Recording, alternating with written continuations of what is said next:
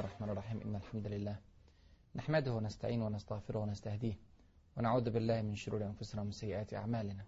إنه من يهده الله فلا مضل له ومن يضلل فلا هادي له. وأشهد أن لا إله إلا الله وحده لا شريك له. وأشهد أن محمدا عبده ورسوله. أما بعد فأهلا ومرحبا بكم في هذا اللقاء المبارك. وأسأل الله عز وجل أن يجعل هذه اللحظات في ميزان حسناتنا أجمعين. مع الحلقة الثانية من حلقات فتح فلسطين أو فتح فلسطين والشام ونسأل الله عز وجل أن يبارك لنا وأن يرزقنا فتح هذا البلد العظيم فلسطين مرة ثانية. لعلنا تكلمنا في الحلقات الأولى عن أو الحلقة الأولى عن أهمية التاريخ بشكل عام وعن أهمية تاريخ فلسطين بشكل خاص. ولعل في سؤال يطرح نفسه على أذهان السامعين أو أذهان المشاهدين والمشاهدات ويناقشه الكثير والكثير في دراساتهم عن تاريخ الفتوحات الإسلامية بشكل عام. وهو لماذا تحركت الجيوش الإسلامية من المدينة المنورة أو من الدولة الإسلامية إلى غيرها من بقاع الأرض لتفتح بلاد العالم؟ ما الهدف من وراء الفتوح؟ هل يا ترى الهدف هو تحويل الناس من غير الإسلام إلى الإسلام؟ أم أن الهدف غير ذلك؟ يا ترى هدف دنيوي ولا أخروي؟ الحقيقة الهدف هو فقط البلاغ أن يصل المسلمون برسالتهم إلى الناس. ثم بعد ذلك يقبل الناس أو يرفضوا أو يرفضوا هذا لهم. لا إكراه في الدين فمن شاء فليؤمن ومن شاء فليكفر. يبقى الهدف الأول أو الرئيسي من حركة المسلمين بجيوشهم إلى البلاد المختلفة هو إيصال دعوة الله عز وجل إلى الناس. واحد ممكن يقول طيب عشان أنا أتحرك للناس ديت عشان أغير دينها أنا مالي؟ يعني لماذا نتحرك إلى الناس لنصل بهم إلى دين الإسلام أو نعرفهم بدين الإسلام. يعبدوا كما يعبدون. المهم أن أنا بعبد ربنا سبحانه وتعالى. إحنا بنقول إن هذا المنهج السلبي غير مقبول في الشريعة الإسلامية. ربنا سبحانه وتعالى بعث هذه الأمة لهداية العالم أجمع. يقول ربنا سبحانه وتعالى في كتابه الكريم كنتم خير أمة أخرجت للناس. ليه؟ تأمرون بالمعروف وتنهون عن المنكر وتؤمنون بالله. الهدف من إخراج هذه الأمة العظيمة أمة الإسلام الهدف من جعل هذه الأمة هادية لغيرها السبب الذي من ورائه جعلت هذه الأمة خير الناس أنها تأمر بالمعروف وتنهى عن المنكر. لذلك لابد أن نتحرك إلى هذه الدول لنصل إليها بدعوة رب العالمين سبحانه وتعالى بالإسلام العظيم بالدين الخاتم بدعوة الحبيب صلى الله عليه وسلم. برضو واحد ممكن يقول طب ليه بنتحرك بثلاثين ألف مقاتل عشان نوصل دعوة ربنا سبحانه وتعالى؟ هقول لك مش هي دي كانت البداية بالعكس. البداية كانت رسالة وكانت رسالة حب ورسالة تقدير وتوقير. على سبيل المثال ما حدث في أرض الشام. أول ما تحركنا أرض الشام تحركنا برسالة. أرسل الرسول صلى الله عليه وسلم رسالة إلى هرقل وأرسل رسالة إلى ملوك الغساسنة وإلى ملوك بصرة وغيرها من بقاع الشام وغيرها من بقاع العالم. رسالات كلها ود وكلها لطف وسنتعرض في هذه الحلقات لرسالة رسول الله صلى الله عليه وسلم إلى هرقل ونرى كيف كان النص موقرا ومقدرا لهرقل وخاطبه بهرقل عظيم الروم. ثم أرسل المسلمون الرسائل الأخرى أرسلوا 15 صحابي يدعون إلى الله عز وجل في ذات أطلاح. ذات أطلاح هذا مكان قريب جدا على أطراف الشام. فقتلوا جميعا إلا واحدا. أرسل المسلمون غيره فقتلوا وقتلوا. أرسلوا رسولا إلى هرقل فقتل الرسول كما سنتعرض في الحلقات. إذا تحرك الدعاء مرة والثانية والثالثة فقتلوا. فما كان للمسلمين إلا أن يرسلوا جيوشا تحمي الدعاء إلى الله عز وجل. لا تكره الناس على تغيير دينهم. لا تكره الناس على عقيدة وإن كانت هذه العقيدة هي العقيدة السليمة والصحيحة. ولكنها تعلم الناس دين الله عز وجل. إن قبلوه فبها ونعم وإن ردوه فليس عليهم حرج في ذلك. أنتوا عارفين يا إخواني الأزمة التي يعيشها العالم الآن. أنتوا عارفين إن أكثر من 2 بليون ساكن من سكان هذه الأرض يعبدون البشر من دون الله عز وجل. حوالي 900 مليون من سكان الأرض دلوقتي بيعبدوا البقر. من دون الله عز وجل. وهناك الكثير والكثير الملايين بل والبلايين ممن ينكرون وجود الإله أصلا.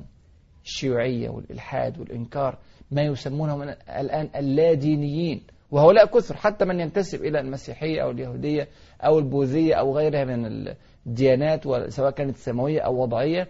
الآن معظمهم الآن يفكر أنه لا خالق لهذا الكون. من لهؤلاء؟ من يعرف هؤلاء؟ إذا رأيت مجرما يحتجز مجموعة من الأطفال يكرههم على أفكار معينة خبيثة وفاسدة أليس من المروءة أن تتحرك إليهم وتنجد هؤلاء من الظالمين الذين يقهرونهم على فكر معين؟ الناس يقولون هؤلاء ليسوا أطفالا هؤلاء كبار. أنا أقول أنهم أقل من الأطفال. الأطفال عندهم فطرة سوية كل مولود يولد على الفطرة. أما هؤلاء فقد زيفت وزورت أفكارهم على مدار عقود وقرون طويلة جدا.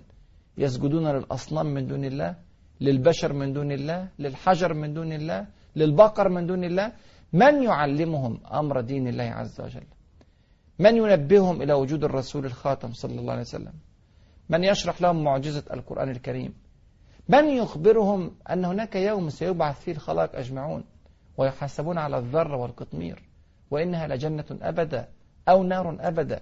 إذا لم يتحرك المسلمون من الذي يتحرك؟ لم تتحرك يا إخواني ويا أخواتي الجيوش الإسلامية لهذه البلاد لأخذ الأموال أبدا أبدا. بل إنه عندما تحركت في يوم من الأيام الجيوش الإسلامية لأجل الدنيا سقطت هذه الجيوش وهزمت. منكم من يريد الدنيا ومنكم من يريد الآخرة.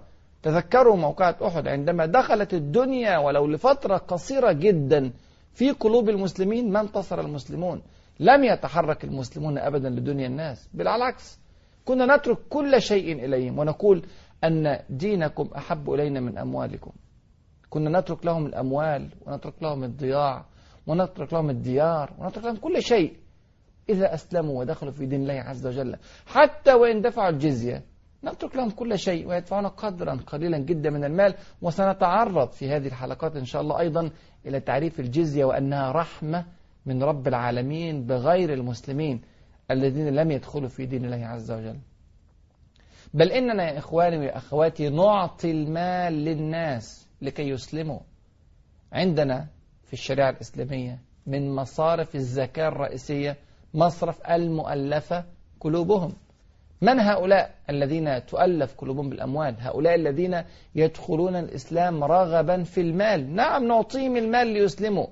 ثم بعد ذلك إذا دخلوا في حاضرة الإسلام وعرفوا قوانين الإسلام وشريعة الإسلام وتعرفوا على الحبيب صلى الله عليه وسلم وقرأوا القرآن فإنهم بعد ذلك يتمسكون بهذا الدين ويصبحون من أشد القادة أو من أشد المدافعين عنه انظروا يا إخواني إلى نتائج الفتح الإسلامي. وأثر هذه النتائج على العالم أجمع.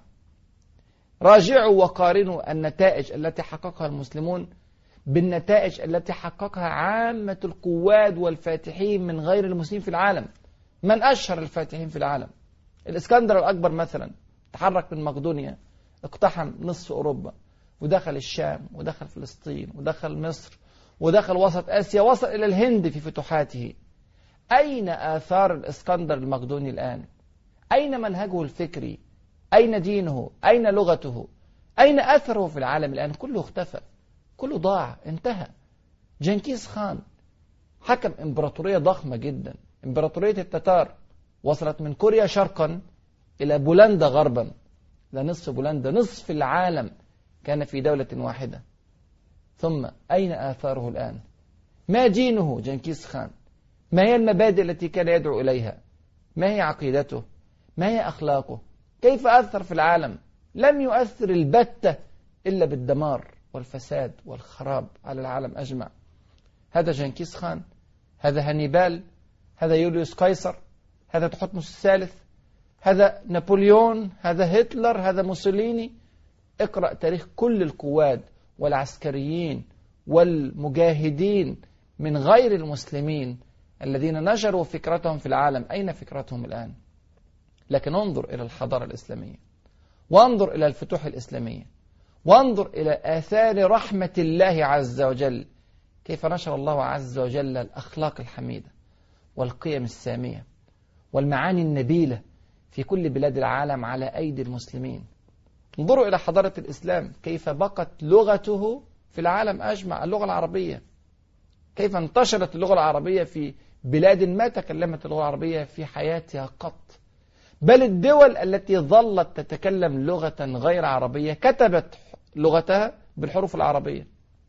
الأتراك كتبوا لغتهم بالحروف العربية لولا أن كمال أتاتورك غيرها بعد ذلك إلى اللاتينية. الفرس كتبوا لغتهم بالحروف العربية. الباكستان والأفغان وغيرهم كتبوا لغتهم بالحروف العربية. التركستان إقليم التركستان الشرقية المحتل من, من الصين الآن ومن الأقاليم المنسية للأسف الشديد وهو إقليم إسلامي صرف. كتب لغته بالحروف العربية بقيت اللغة العربية 14 قرن من الزمان وستظل باقية ليوم القيامة لأن الله عز وجل تعهد بحفظ القرآن الكريم وهو باللغة العربية.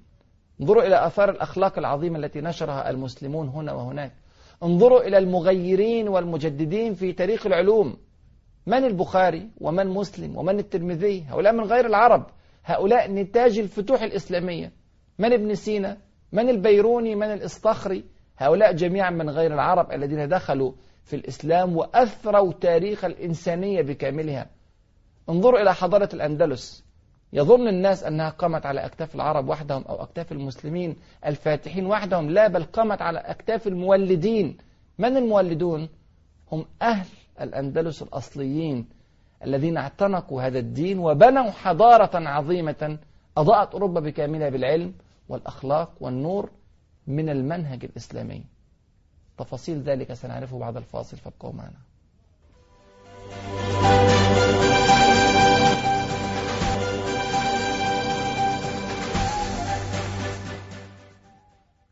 بسم الله والحمد لله والصلاة والسلام على رسول الله. كنا قبل الفاصل نتحدث عن الفتوح الإسلامية والهدف من ورائها. وقلنا أن الهدف الرئيسي ولعله الهدف الأوحد من الفتوح الإسلامية هو إيصال دعوة رب العالمين سبحانه وتعالى إلى الناس. كلمة ربعي بن عامر العظيمة التي قالها أمام رستم قائد الفرس في موقعة القادسية يفسر فيها المعنى والمغزى من وراء حركة الفتوح. لماذا أتت الجيوش الإسلامية إلى أرض العراق؟ لماذا أتت إلى أرض فلسطين إلى أرض الشام؟ قال لقد ابتعثنا الله لنخرج العباد من عبادة العباد إلى عبادة رب العباد. ومن جور الأديان إلى عدل الإسلام ومن ضيق الدنيا إلى سعة الدنيا والآخرة. هذه الرسالة التي تحرك من أجلها المسلمون. هذه الرسالة التي من أجلها أنفق المسلمون أموالهم وأرواحهم وأوقاتهم في سبيل إيصالها للناس. لم نبحث أبدا عن ثرواتهم ولا عن أموالهم وسنتبين ذلك عند الحديث عن فتح الشام وفتح فلسطين. أنا عايز أقول إخواني إن في شعوب كثيرة جدا إلى الآن مسلمة ولم يدخلها جيش إسلامي واحد. هذا عظمة هذا الدين. شعوب إندونيسيا شعوب ماليزيا شعوب شرق أفريقيا غرب أفريقيا. الكثير والكثير ممن اعتنق هذا الدين وصلته الرسالة بغير جيوش. والله ما أخرجنا الجيوش إلا لقتل الدعاء عندما قتل الدعاء خرجت الجيوش لحماية الدعاء لكن إن فتح الطريق إلى الدعاء يتحركون هنا وهناك. لا تتحرك الجيوش الإسلامية. ولماذا تتحرك؟ ولماذا ننفق الأموال والأرواح ثم نذهب إلى هناك لنضحي بكل ذلك حتى يعرف الناس هذه الرسالة؟ إن كان الطريق مفتوحا فلن تخرج الجيوش الإسلامية وهذا ما رأيناه في تاريخ الأمة الإسلامية في بقاع كثيرة جدا لعل معظم الناس الذين وجدوا الآن في العالم من المسلمين لم يدخلوا الإسلام في وجود الجيوش الإسلامية. بل إن الفتح الإعلامي الذي نراه الآن أكبر دليل على عظمة الفتوح الإسلامية بشكل عام. الآن يا إخواني المسلمون كما ترون جميعا في حالة ضعف الآن السيادة والريادة لدول الغرب ودول الشرق والمسلمون في المؤخرة للأسف الشديد هذا واقع نعم هذا واقع ومع ذلك الإسلام أسرع الديانات نموا في العالم في زماننا الآن. أنا أسمي ذلك الفتح الإعلامي. الفتح الإعلامي عن طريق الإنترنت عن طريق الفضائيات عن طريق الكتب عن طريق الجاليات المسلمة هنا وهناك. الدين الإسلامي هو أسرع الديانات نموا وده شيء غريب جدا وشيء عجيب. ولاحظه الكثير والكثير من المؤرخين والمحللين. البربر حاربوا الإسلام 25 سنة متصلة 25 سنة. البربر سكان شمال أفريقيا. يدخل المسلمون إلى البلاد ويعاهدون الناس ثم ينتقدون عليهم ثم يدخل مرة أخرى المسلمون ثم ينتقدون عليهم. وفي النهاية أعجب هذا الفريق بالإسلام ودخلوا الإسلام. ثم بعد ذلك هؤلاء هم الذين نشروا الإسلام في الأندلس.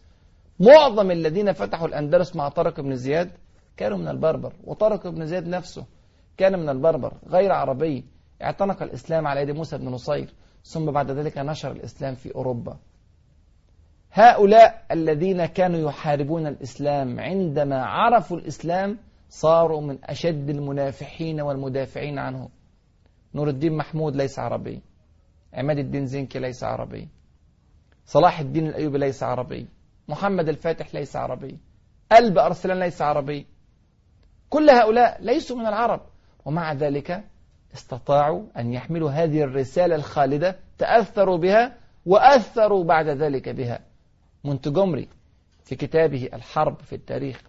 مونتجومري القائد المشهور كتب وقال من أعجب الأمور في التاريخ أن البربر الذين حاربوا المسلمين 25 سنة متصلة هم الذين حملوا راية الإسلام بعد ذلك وفتحوا بلاد الأندلس.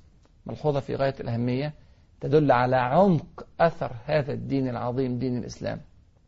التتار الذين حاربوا الذين حاربوا المسلمين السنوات والسنوات الطويلة ودمروا وأفسدوا وأهلكوا وقتلوا.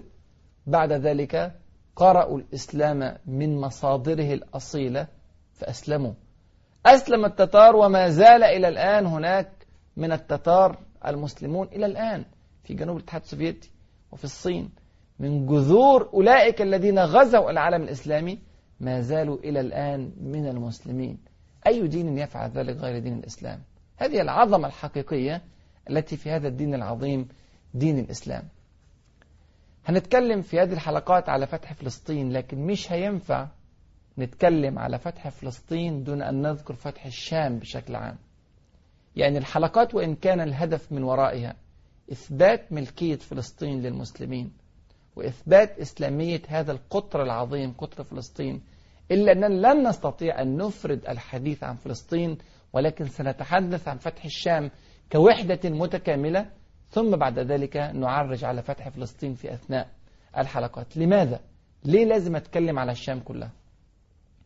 أولا, أولا الشام طول عمره إقليم واحد ولم يفصل الشام إلى عدة دول إلا في العصر الحديث عندما دخل الاستعمار الإنجليزي والاستعمار الفرنسي وشتتوا بالقاعدة المشهورة فرق تسد قسموا العالم الإسلامي إلى بلاد كثيرة جدا وقسموا عليهم كل قطاع إلى أكثر من جزئية سايكس بيكو المشهورة. حتى إقليم الشام اللي كان إقليم واحد قسموه لأربع قطع فلسطين والأردن ولبنان وسوريا. ليه؟ الغرض عدم وحدة المسلمين. يرون ويعرفون أن المسلمين إذا فتتوا هزموا إذا تفرقوا ضاعوا. هكذا يقول ربنا سبحانه وتعالى في كتاب الكريم ولا تنازعوا فتفشلوا وتذهب ريحكم واصبروا. إن الله مع الصابرين واعتصموا. بحبل الله جميعا ولا تفرقوا. هذه أوامر واضحة في كتاب ربنا سبحانه وتعالى. الشام في كل تاريخه الإسلامي كان وحدة واحدة لم ينفصل أبدا. كانت فلسطين مجرد محافظة في إقليم الشام وإقليم الشام نفسه عبارة عن محافظة كبيرة في الدولة الإسلامية. الحاجة الثانية أن الاحتلال الروماني اللي كان بيحتل فلسطين كان بيحتل الشام كله. ما كانش بيحتل فلسطين بس عشان كده المواقع المؤثرة اللي هنلاقيها ضد الاحتلال الروماني في أكثر من بقعة من بقاع الشام كانت تؤثر مباشرة على فلسطين. لعل من أبرز الأمثلة على كده أن فتح القدس كان نتيجة مباشرة لهزيمة الرومان في اليرموك واليرموك ما كانتش على أرض فلسطين. اليرموك كانت الأرض اللي ما بين سوريا وما بين الأردن. ومع ذلك كانت من النتائج المباشرة لها فتح القدس وفتح أجزاء أخرى من فلسطين. بل فتح بقية المدن الفلسطينية سواء كانت يافا ولا عسقلان ولا حيفا ولا ولا قيسارية ولا اللد ولا بيت جبرين كلها كانت تبدأ بمواقع خارج فلسطين ثم تنتهي بموقعها فاصلة على فلسطين أو على خارجها فتتم بذلك الفتوح الإسلامية ليه؟ لأن الجيش الروماني بيحتل كل البقعة أي هزيمة بيتعرض لها الجيش الروماني في أي بقعة كانت بتأثر إيجابيا لفتح فلسطين. الحاجة الثالثة الرسول صلى الله عليه وسلم نفسه كان ينظر إلى أرض الشام كوحدة واحدة. خلينا أقول لكم بعض التعبيرات الرائعة الراقية اللطيفة التي ذكر حبيبنا صلى الله عليه وسلم عن أهل الشام وعن أرض الشام. أنا عارف أن بعد الكلام ده أهل الشام مش هنعرف نكلمهم لأن سبحان الله الرسول صلى الله عليه وسلم كان يعظم جدا جدا من قيمة الشام قبل أن تدخل الفتوح الإسلامية لأرض الشام. خلي بالكم الرسول صلى الله عليه وسلم لما مات ما كانتش لسه الشام إقليم إسلامي ومع ذلك كان يتحدث عنها وكأنها أقرب بلاد المسلمين إلى المسلمين. يقول صلى الله عليه وسلم حديث رائع يقول إذا فسد أهل الشام فلا خير فيكم. إذا فسد أهل الشام فلا خير فيكم. كل ما سأذكره من الأحاديث يا إخواني أحاديث اجتهدت اجتهادا كبيرا في تصحيحها. هذه أحاديث كلها صحيحة إن شاء الله رب العالمين. وما كان فيه شبهة ضعف أعرضت عنه في هذه الحلقات. إذا فسد أهل الشام فلا خير فيكم. يقول صلى الله عليه وسلم ألا إن عكر دار المؤمنين بلاد الشام؟ ألا إن عكر دار المؤمنين؟ يقول هذا الكلام قبل أن تأتي بلاد الشام إلى الدولة الإسلامية. يقول هذا الكلام وهو يعيش في مدينة منورة وهناك مكة المكرمة. ومع ذلك يقول أن بلاد الشام هي عكر دار المؤمنين. يقول في حديث آخر طوبى للشام طوبى للشام يعني بشرى للشام هنيئا للشام. فقال الناس ما بال الشام؟ لماذا الشام بالذات؟ قال الملائكة باسطوا أجنحتها على الشام. الملائكة تبسط أجنحتها. على هذا القطر العظيم وهذا الإقليم الجليل إقليم الشام كما يقول الحبيب صلى الله عليه وسلم. يقول حبيبنا صلى الله عليه وسلم ألا وإن الإيمان حين تقع الفتن بالشام؟ ألا إن الإيمان حين تقع الفتن بالشام؟ تظل هذه القيمة يا إخواني وأخواتي في بلاد الشام إلى يوم القيامة. يا الله. إلى يوم القيامة. يتكلم عنها كذلك حبيبنا صلى الله عليه وسلم. قبل أن تسلم وتظل هذه القيمة إلى آخر أيام الدنيا. يقول حبيبنا صلى الله عليه وسلم ستخرج نار من حضرموت قبل يوم القيامة تحشر الناس. نار قبل يوم القيامة تحشر الناس. طب نعمل إيه في هذا الظرف؟ ظرف صعب وعسير على الناس. قال الناس يا رسول الله فما تأمرنا؟ نعمل إيه عند ظهور هذه النار؟ قال عليكم بالشام. عليكم بالشام. الأمان في بلاد الشام. الأمان من الفتنة والأمان من هذه الظروف الصعبة العسيرة في يوم القيامة في بلاد الشام. وختاما أنقل لكم الحديث الذي قاله صلى الله عليه وسلم ليختم به حياة الدنيا. قال الشام أرض المنشر. أرض المنشر في رواية أرض المحشر والمنشر. إلى آخر لحظة من لحظات الدنيا. عندما يحشر الناس ستظل أرض الشام أعلى أو من أعلى أراضي المسلمين قيمة في عين حبيب الله صلى الله عليه وسلم وفي عين رب العالمين سبحانه وتعالى. أسأل الله عز وجل أن ييسر لنا هذه الحلقات لنعرف كيف فتح المسلمون هذا القطر العظيم. أقول قولي هذا وأستغفر الله لي ولكم. والسلام عليكم ورحمة الله وبركاته.